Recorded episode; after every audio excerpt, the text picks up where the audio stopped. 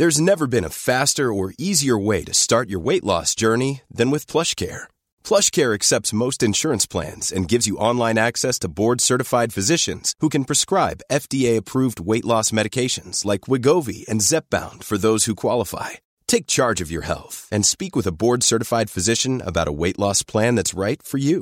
Get started today at plushcare.com slash weight loss. That's plushcare.com slash weight loss. plushcare.com slash weight loss. Tony Media. Het is oorlog in Europa. Gaan we allemaal dood in een kernoorlog? Nee, ik denk het niet. Gaat deze oorlog de wereld veranderen? Dat weet ik zeker. In samenwerking met Dagblad Trouw probeer ik met deze podcast grip te krijgen op de oorlog. Elke dag houd ik je op de hoogte van de situatie in Oekraïne en Rusland. Maar eerst even dit. Dit is wat er gebeurde op dag 72 van de oorlog. Oekraïnse media melden dat opnieuw een Russisch fregat is gebombardeerd. Het schip staat in brand of is tot zinken gebracht, dat is niet helemaal duidelijk. Sowieso zou dit nog moeten worden gecheckt door eh, buitenlandse media. Het zou gaan om het fregat de admiraal Makarov. En iemand op Twitter citeerde gelijk al de regel uit Winds of Change van de Scorpions: Follow the Moskwa. Of eigenlijk: Follow the Moskwa. Down to Gorky Park. Uh, Scorpions zijn extreem populair in Rusland en Oekraïne. Uh, hij verwijst hier natuurlijk naar de, het vlaggenschip de Moskwa dat nu op de bodem van de Zwarte Zee ligt. Wie het trouwens nog niet kent, ga vooral luisteren naar de podcast Winds of Change. Is volgens mij een paar jaar geleden uitgekomen. Uh, waar duidelijk wordt wat voor rol de CIA speelde bij totstandkoming van dit nummer. In de Donbass lijken Russen de aanvallen te hebben verhevigd. Ze proberen Oekraïnse eenheden in te sluiten rond Kramatorsk en Slavjansk. En bij de steden Liman en Barvinkovje. Maar Barvinkovje, ik weet niet precies. Maar nog steeds volgens hetzelfde patroon. Ze nemen ergens dorpen in, maar op een andere plek verlaten ze weer andere dorpen. Dus ja, netto schiet het niet zoveel op. In Mariupol wordt al dagen de staalfabriek gebombardeerd. Het is de laatste plek waar Oekraïners uh, nog uh, zitten in die stad. Ze verschuilen daar in de catacomben onder de fabriek. Ook proberen Russische soldaten al dagen in die catacomben te komen. En het lijkt erop dat ze voor aanstaande maandag die stad veroverd willen hebben. 9 mei is een grote feestdag in uh, Rusland. En zelfs al lukt het ze, is het wel best gênant dat ze het pas na twee maanden is gelukt.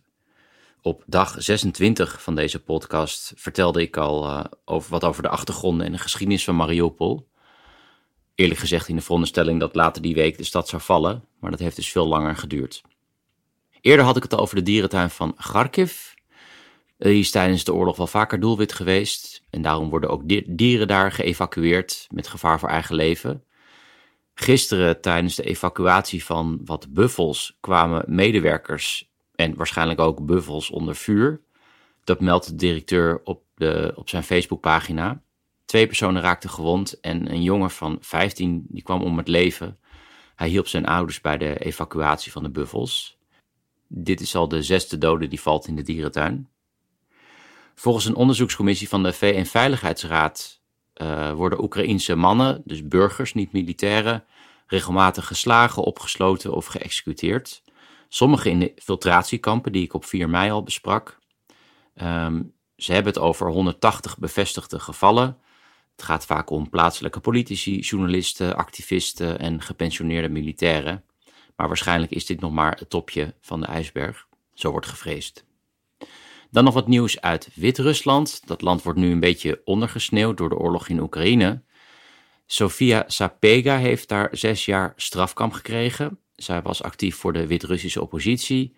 Misschien kan je haar arrestatie nog wel herinneren. Ze was gevlucht uit Wit-Rusland. En in 2021 zat ze niets vermoedend in een Ryanair-vlucht van Athene naar Vilnius. En toen ze over Wit-Rusland vlogen, zei de verkeer, luchtverkeersleider in Minsk, hoofdstad van Wit-Rusland, dat ze een noodlanding moesten maken vanwege een bommelding. Dat was niet waar. Uh, Sapega en haar vriend werden daar opgepakt. Haar vriend Pratasevich die zou nog 15 jaar cel kunnen krijgen. En er zitten nog 1160 politieke gevangenen vast in Wit-Rusland. Gaan we door naar de Russische media. Kremlin ontkent al dagen dat ze van plan zijn om te mobiliseren, dus dat mannen onder dwang moeten gaan vechten in Oekraïne. dit om hardnekkige geruchten de kop in te drukken. Maar het telegramkanaal Sota post vandaag berichten van een headhunterkantoor die heel veel vacatures heeft voor mobilisatie-experts. Nou, dan ben ik een enorme complotdenker, maar ik zou zeggen mobilisatie-experts zijn bij uitstek experts in mobilisatie. Verder een interessant stuk van Yevgenia Albats in Moscow Times. Albats is een hele ervaren onderzoeksjournalist. Ze heeft heel veel contacten bij de Russische elite. Ik zal een stuk in de show notes zetten, als daar plek in ieder geval is. Want ik heb nogal veel links vandaag. Anders moet je even gewoon kijken op eh, de site van Moscow Times. Zij zit nog in Moskou en heeft de mogelijkheid om mensen face-to-face te spreken. En die elite wil ook liever niet over de telefoon of per mail praten. Dus dat komt mooi uit dat ze daar zit. Veel mensen in de zakenelite die zitten in grote problemen. 70% van de goederen in Rusland uh, die worden geproduceerd bevatten componenten uit het Westen. Ze zeggen dat er eindeloos veel vergaderingen op het Kremlin gaan om, ja, om dit op te lossen.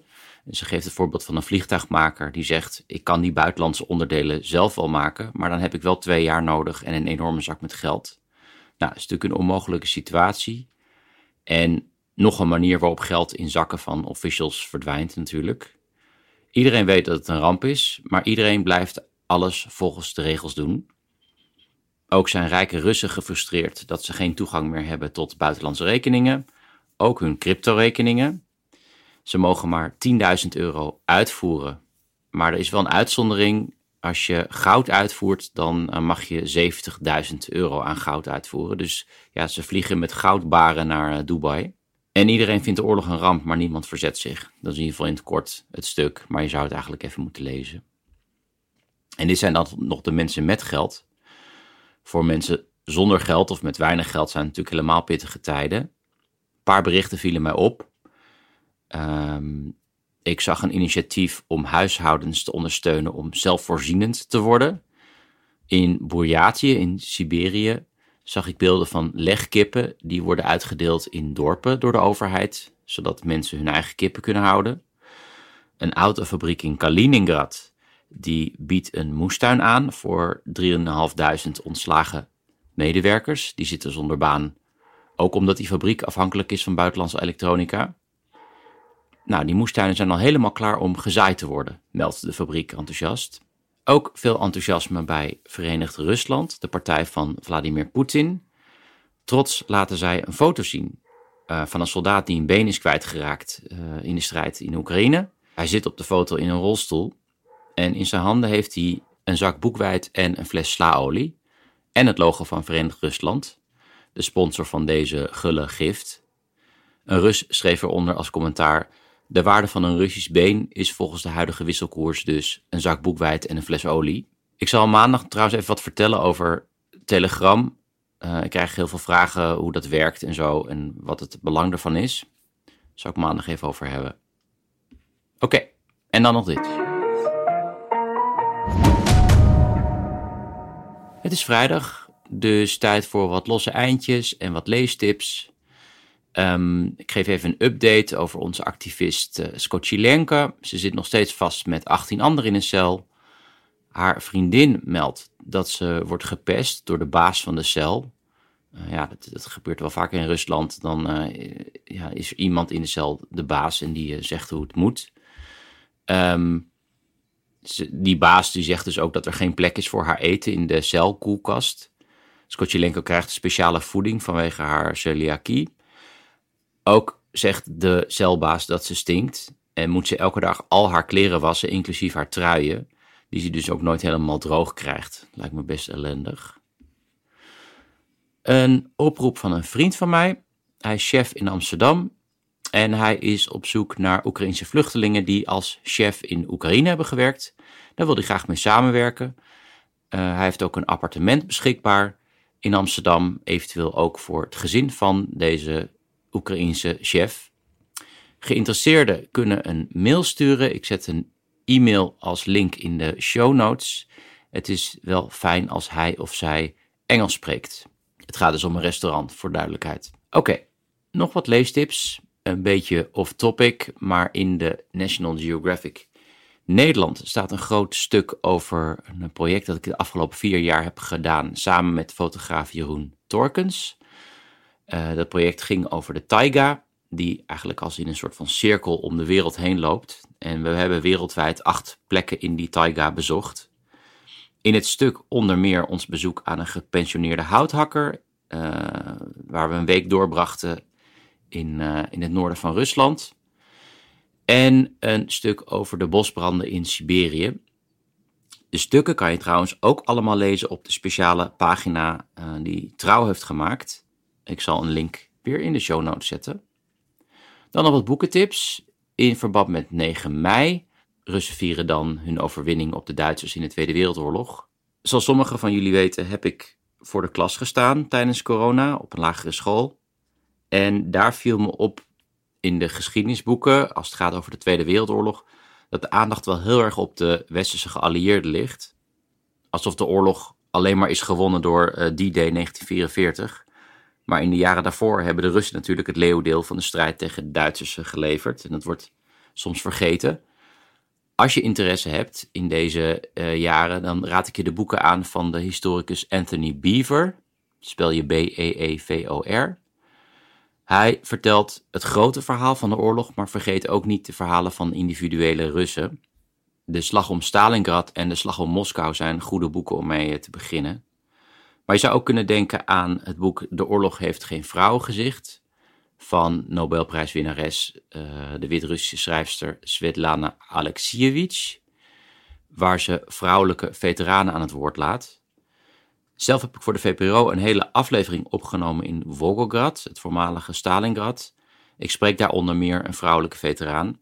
De aflevering gaat helemaal over Russische vrouwen. Ik bezoek ook nog een kraamkliniek. Als eerste man ben ik daar binnen. Mannen zijn over het algemeen niet welkom. Die krijgen pas na een paar dagen of soms een paar weken het kind als een soort cadeautje gepresenteerd.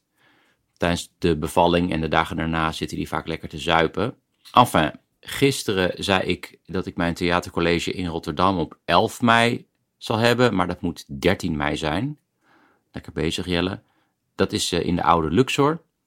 Verder doe je me een groot plezier als je een recensie achterlaat uh, van deze podcast in je favoriete podcast-app. Op deze manier is de podcast beter te vinden. Ik wens jullie een fijn weekend en tot maandag.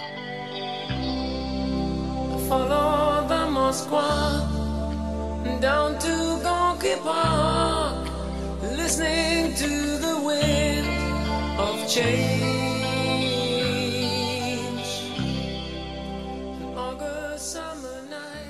Dit was een productie van Tony Media en Dagblad Trouw. Voor meer verdieping ga naar trouw.nl. When you save on auto insurance for driving safe with USAA Safe Pilot, you'll feel like a big deal. even in a traffic jam. Save up to 30% with USAA Safe Pilot. Restrictions apply. Planning for your next trip? Elevate your travel style with Quince. Quince has all the jet setting essentials you'll want for your next getaway, like European linen, premium luggage options, buttery soft Italian leather bags, and so much more. And is all priced at 50 to 80% less than similar brands. Plus, Quince only works with factories that use safe and ethical manufacturing practices. Pack your bags with high-quality essentials you'll be wearing for vacations to come with Quince. Go to quince.com/pack for free shipping and 365-day returns.